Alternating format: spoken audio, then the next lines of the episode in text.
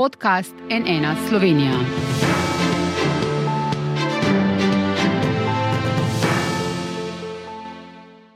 Dobr dan, to je NN studio. V slovenski politiki smo videli že marsikaj.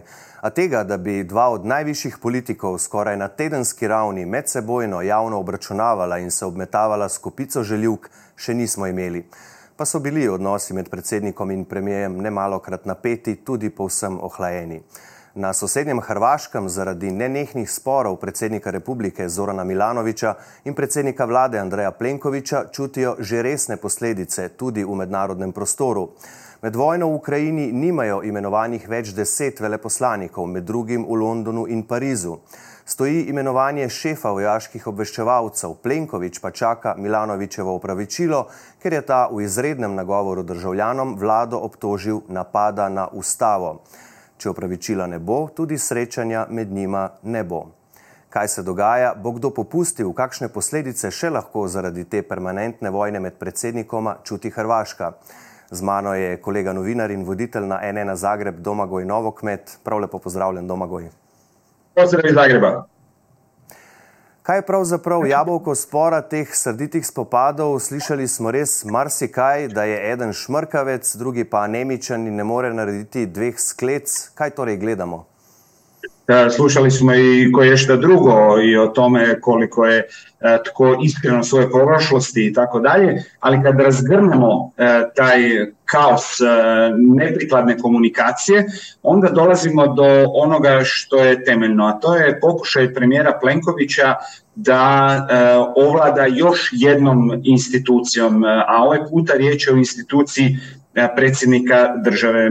Plenković je uspio u e, posljednjih šest godina e, uništiti ili paralizirati jako mnogo državnih institucija, onih koje su bile neovisne o njemu ili o njegovoj vladi. Najpoznatiji možda primjer je povjerenstvo za odlučivanje o sukobu interesa, e, tijelo koje je vrlo snažno djelovalo u hrvatskoj politici, tijelo zbog kojeg je pao recimo Tomislav Karamarko, bivši šef HDZ-a, to je tijelo koje je Plenković potpuno eutanazirao i to po prilično bizarnim okolnostima. Naime, u jednom trenutku upravni, Visoki upravni sud koji je prije toga pružao podršku povjerenstvo za odlučivanje o sukobu interesa je doslovno za 180 stupnjeva bez ikakvog obrazloženja promijenio svoj stav i onda nakon toga smo imali bizarnu situaciju u kojoj je vlada objavila da mijenja zakon kako bi ga uskladila sa stavovima suda. Nakon toga povjerenstvo za odlučivanje o sukobu interesa postaje gotovo nevidljivo. Prije toga stvaralo je ozbiljan problem Plenkoviću. Plenković je najavio izmjenu kaznenog zakona kako bi razotkrivao zviždače koji javnosti dostavljaju podatke o njegovim ministrima vezano za dijelove onih optužnica po kojima državno odvjetništvo ne postupa dovoljno brzo, poručuje da će uvesti novo kazneno dijelo kako ne bi više imao političkih problema, doslovno. E sada je njegova meta, kad sve ovo razgrnemo, pokušaj da se jednako tako blokira bilo kakva moć hrvatskog predsjednika koja njemu remeti planove. Uh-huh. Zdaj, kot sem rekel že prej, Domagoj, ne, slišali smo res marsikaj, kar ne pritiče uh, ne samo, bom rekel, običajnim državljanom, kaj šele najvišjim politikom. Kaj od tega, kar smo slišali v vseh teh letih, kar traja ta vojna med njima, je bilo morda zate najbolj nespremljivo, najbolj neprimerno, kar smo slišali v tem sporu? Zbilja, spomenuo si neke od ovih posljednjih ili najučestalijih incidenata, ali vrlo je tu teško sad već ih izdvojiti jer doista se oni ponekad nadmeću na dnevnoj razini tko će koga više uvrijediti. Možda je interesantnije onda se fokusirati na to kako je sve počelo nakon što je Milanović dobije izbore, Plenković mu je poručio da ih čeka tvrda kohabitacija i onda se samo čekao neki trenutak u kojem bi sve skupa eskaliralo. Sam Milanović smatra da je u pozadini zapravo to da Plenković ne može preći preko snimke koja je iscurila iz, nakon sastanka Milanovića sa vojnim veteranima. Na toj snimci čuje se Milanovića kako govori o tome da je Plenkovićeva majka bila vojna lekarka.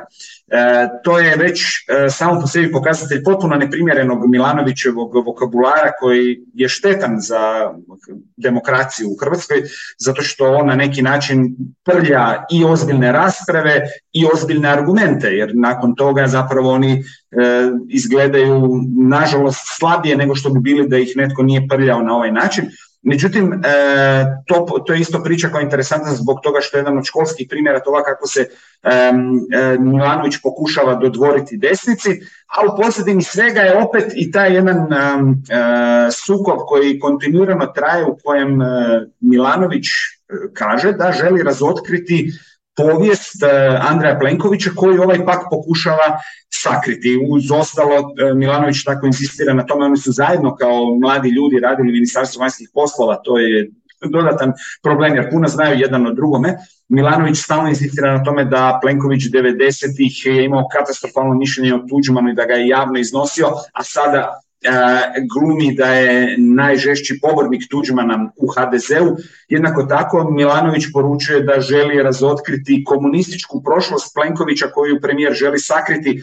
On stalno ponavlja e, da, da Plenković dolazi iz moćne e, komunističke obitelji.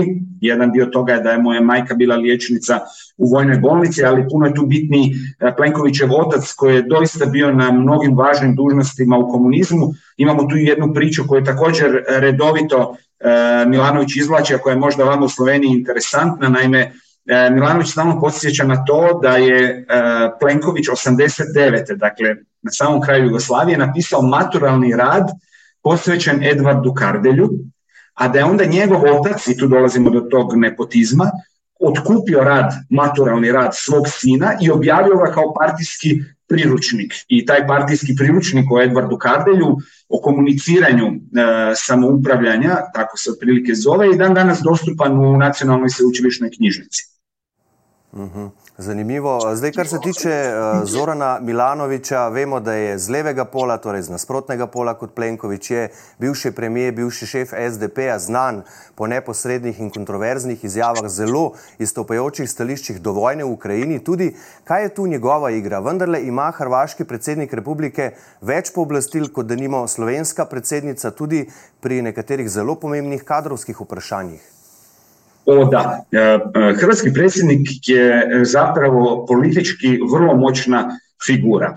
Samo par koraka u povijest, dakle nakon smrti Franje Tuđmana i gubitka HDZ-a na izborima, opći je bio prihvaćen i stav u javnosti da Hrvatska treba napustiti predsjednički sustav u kojem smo funkcionirali do sada i u kojem je, kao na primjer u Francuskoj, premijer bio samo prvi među jednakima, a sve se odlučivalo u predsjedničkom uredu i e, prelazi se na parlamentarni sustav. Međutim, e, novo izabrani predsjednik Stipe Mesić je uspio izboriti e, to da hrvatskim predsjednicima ostane nekoliko jako moćnih ovlasti s kojih oni crpe ono što se zove soft power.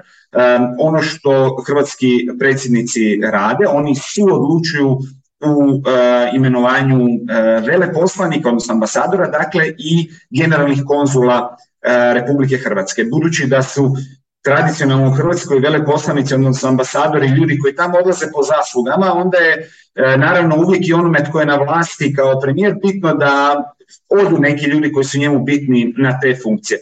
Druga stvar, e, predsjednik države su odlučuje vezano za imenovanje šefova tajnih službi i sigurnosno obavještajne službe i vojne sigurnosno obavještajne službe. Također predsjednik države odlučuje o imenovanjima i umirovljenju ključnih e, ljudi u Hrvatskoj vojsci.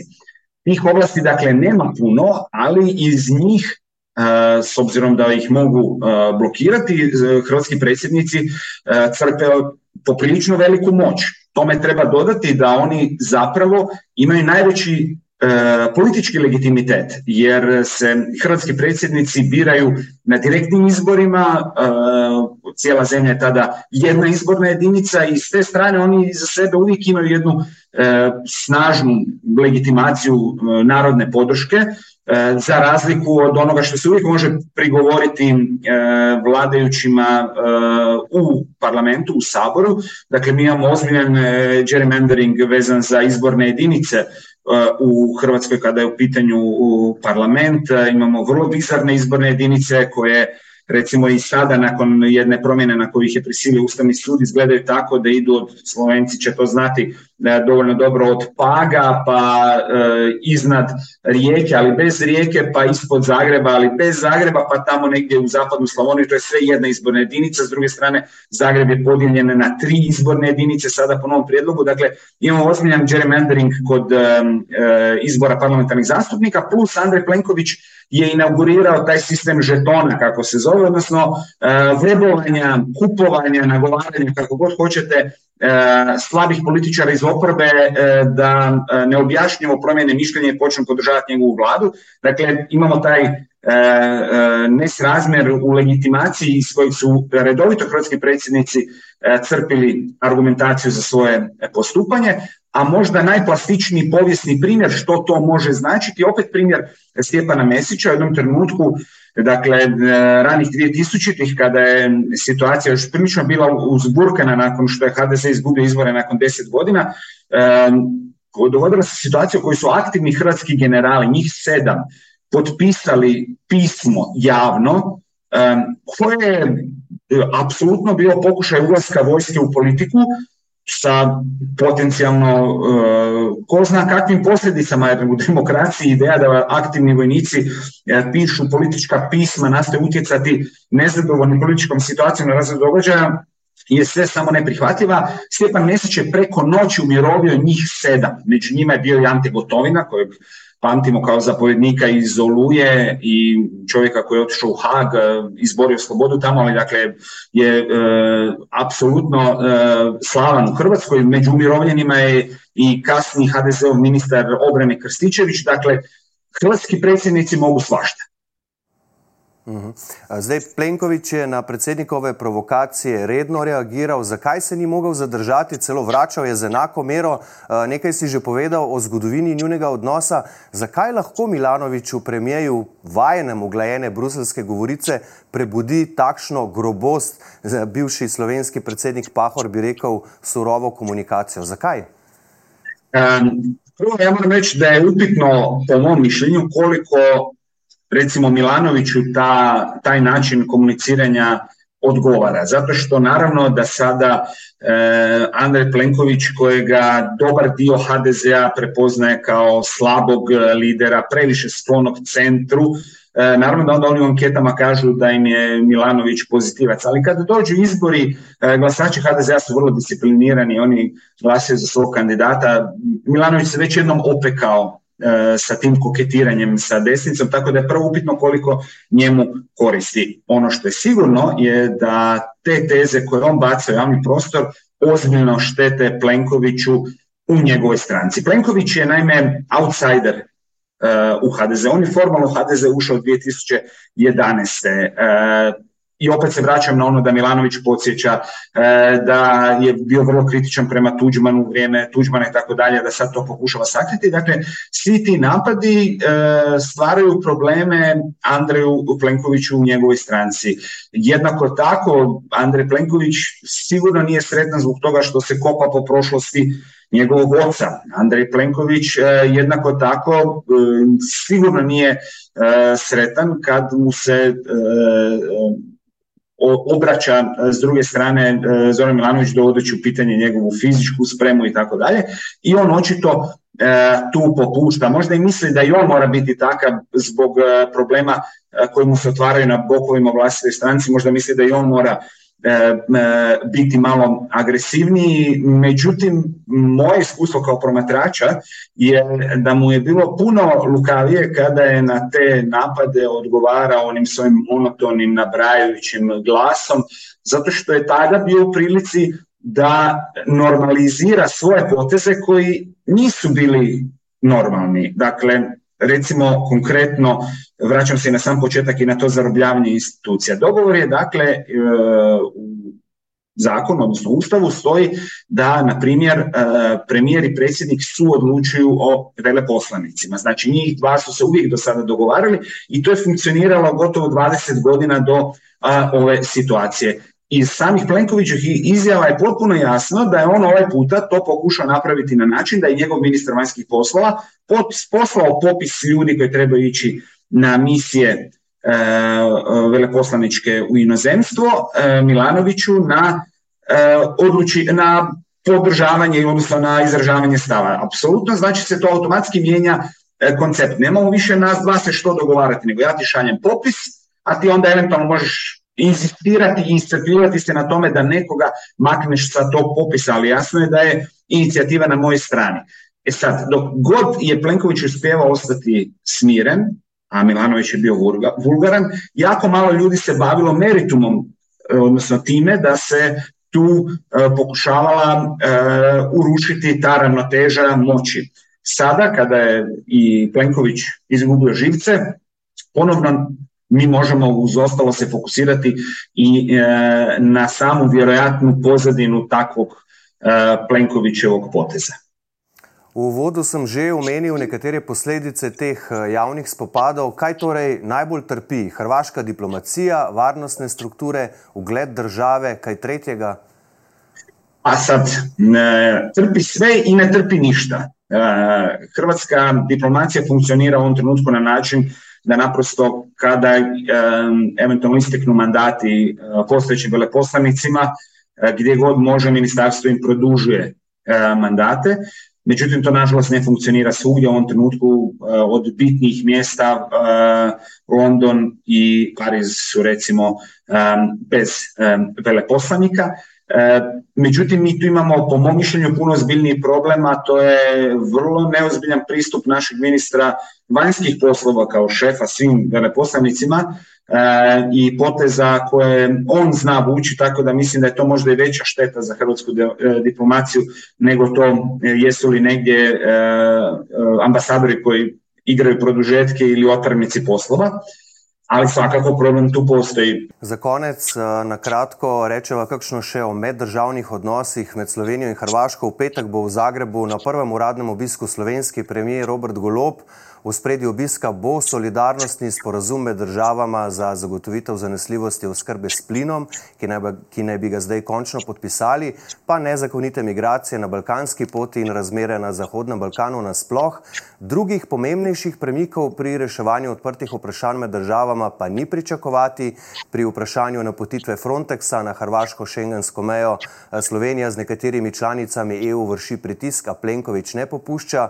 Pri arbitraži tudi nobena stran stran ne misli popustiti. Kaj od tega obiska pričakuje v Zagrebu? E, ja mislim da tu ne treba uh, puno očekivati.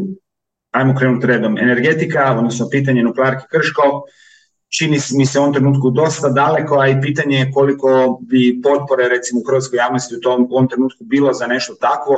Hrvatska javnost u ovom trenutku jako fokusirana na, nakon ukrajinske krize na to da se što je više moguće novca uloži u obnovljive izvore. E, što se e, tiče arbitraže, hrvatska javnost je potpuno zaboravila na to. Na neki način, da citiram jednog, e, e, nažalost više nije s nama, e, stručnjaka Hrvatskog za međunarodno pravo, ozbiljne države se u takvim situacijama obično dogovore da se neće dogovoriti i to je na neki način, čini mi se u ovom trenutku u hrvatskoj javnosti, percepcija trenutnog odnosa Hrvatske i Slovenije oko granice i to sigurno nije neka tema u kojoj mi se čini da bi bilo mogućnosti za pomake koji bi bili e, prepoznati barem sa hrvatske strane kao neki plus, tako da tu također ne očekujem ništa. E, što se tiče e, nezakonitih migracija, također trebate imati na umu da je Dakle, teško očekivati da bi Andrej Plenković u bilo kojem scenariju iz bilo kojeg razloga e, bio spreman pristati na e, neki od angažmana kakve priželjkuje Slovenija iz nekoliko razloga. Prvo što se desnog biračkog tijela tiče, tu bi djelovalo kao da mi nismo u stanju čuvati e, svoje istočne granice. Druga stvar, Plenković je ovako pod strašnim političkim pritiskom lijeve scene i civilnog društva koji smatraju da je hrvatska policija neprihvatljivo brutalna prema nesretnim ljudima koji bježe od rata, od klimatskih promjena, od gladi i da je neprihvatljivo brutalan zbog toga što se pokušao dodvoriti zemljama koje su odlučivale u ulasku Hrvatske u Schengen. Mi smo imali jako puno ovdje slučaja u kojima Hrvatskoj policiji u najmanju ruku nije bilo ugodno i koji su prerastali u skandale.